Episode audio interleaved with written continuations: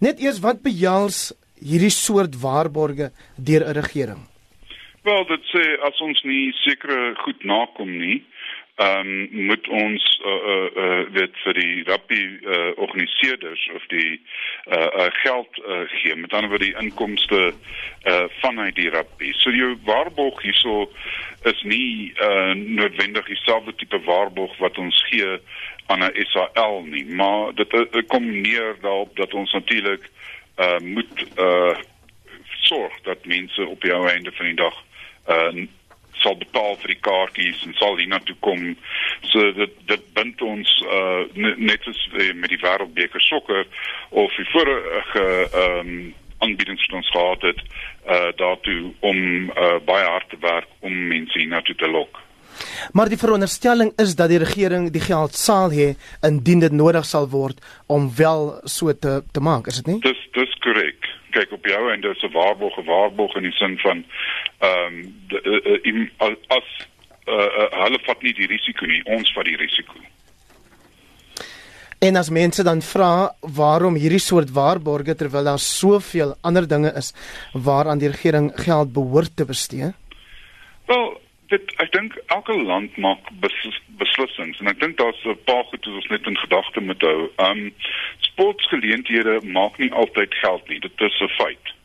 Um of dit die Olimpiese spele is of dit die sokker wêreldbeker is en dis meer. Maar 'n mens gebruik dit tog ook vir ander um dele uh, in goed want jy kyk tog sport op televisie en jy kyk byvoorbeeld 'n uh, 'n wedstryd 'n uh, cricketwedstryd en hulle wys die mooi kus in Jamaica en jy dink eendag wil ek sien toe gaan. En uh dieselfde geld uh vir baie sportsoorte en dit bring ook mense na jou land toe wat dan hopelik ook vir ander mense vertel van hulle goeie ervaring. So ek dink 'n mens moet net onderskei tussen uh uh die werklike sport en wat 'n regering en ander probeer kry uit daai geleentheid uit. Ehm um, ek dink dit is die die groot onderskeid Heinrich dat 'n mens moet tref.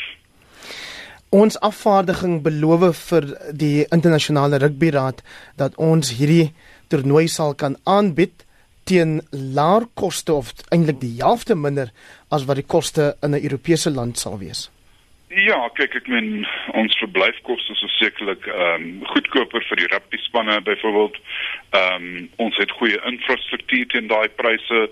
Met ander woorde ons het goeie stadiums, ons het goeie internet uh wat die media kan gebruik en beeldsendings en dis veel meer uh sal ons daar kan doen. En ek dink jy weet op jou einde van die dag uh praat ons van 'n lae koste uh uh uh 'n uh, uh, uh, land in Suid-Afrika as ons dit vergelyk met Europa. Dalk nie as ons dit vergelyk natuurlik met sê Indië of so nie. So op jou einde van die dag uh ja dis dis heel waar dat ons kostes gaan minder wees as die van die ehm um, uh uh, uh ander lande wat meeding dit is nou Frankryk en Ierland. Ehm um, maar aan die ander kant het hulle is hulle baie nader aan die uh hoofondersteuningsbasis van rugby en uh gaan hulle heel moontlik baie meer mense lok alhoewel hulle stadiums kleiner is gaan hulle waarskynlik baie meer mense lok van buite hulle lande af en ek dink dit is die uh die oorweging wat die uh komitee sal moet maak.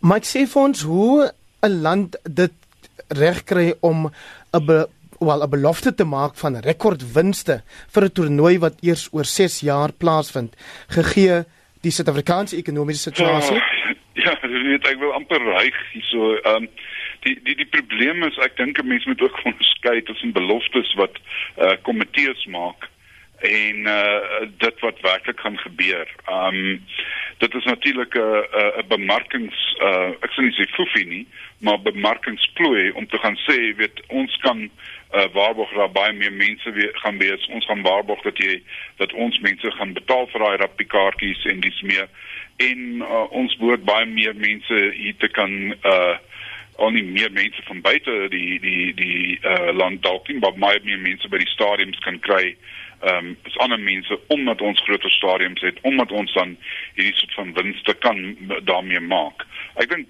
dis die een ding, maar die ander ding is die Wêreldbeker ehm um, se televisieregte soos ek dit verstaan is reeds verkoop tot 2023 toe.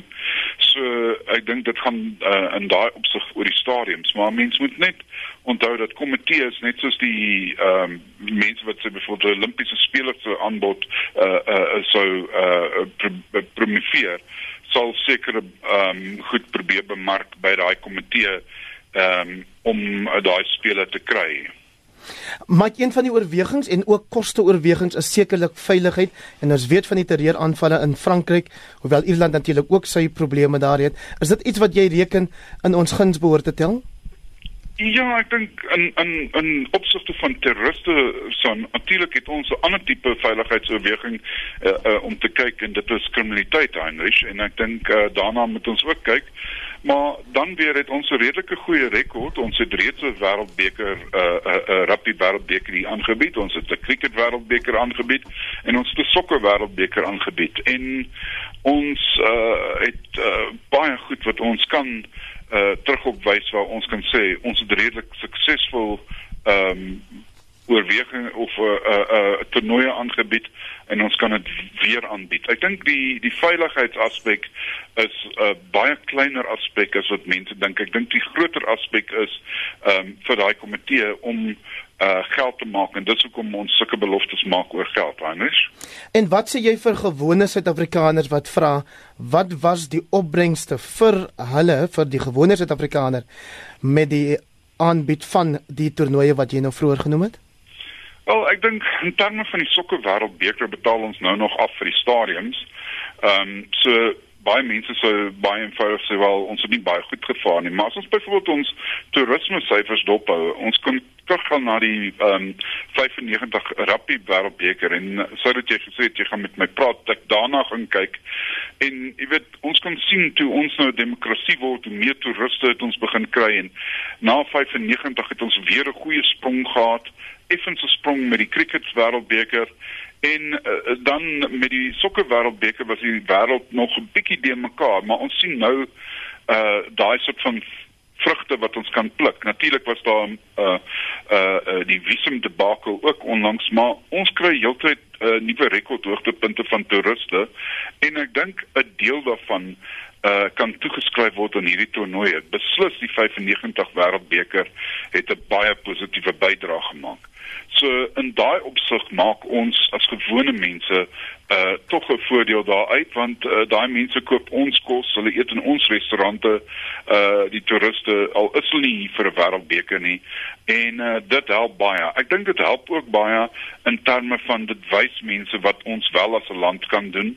Dit bind die land partykeer saam. Ek dink dis wat die um sokker wêreldbeker en die rugby wêreldbeker in 95 en 2010 'n uh, baie groot rol gespeel het in 'n soort van ons nasiebou proses as ons dit so kan stel en ek dink dit gee ons iets om op terug te kyk en na te verwys. En uh dit is deel van ons alledaagse gesprekke. So daai tipe van goed dink ek het 'n baie positiewe, maar as jy puur na die toernooi en die geld kyk, dit is waar my probleem kom ehm um, of een of die meeste mense wat negatief is, uh, daai toernooi het nie vir ons as 'n land daai soort van geld gemaak wat mense dink dit nie. Ek dink die rugby wêreldbeker het wel vir ons geld gemaak want ons het nie nodig gehad om al daai stadiums te bou nie, terwyl die sokker wêreldbeker waar ons baie stadiums gebou ja. het, het ons dalk nie daai ehm um, geld terug uh, gekry nie.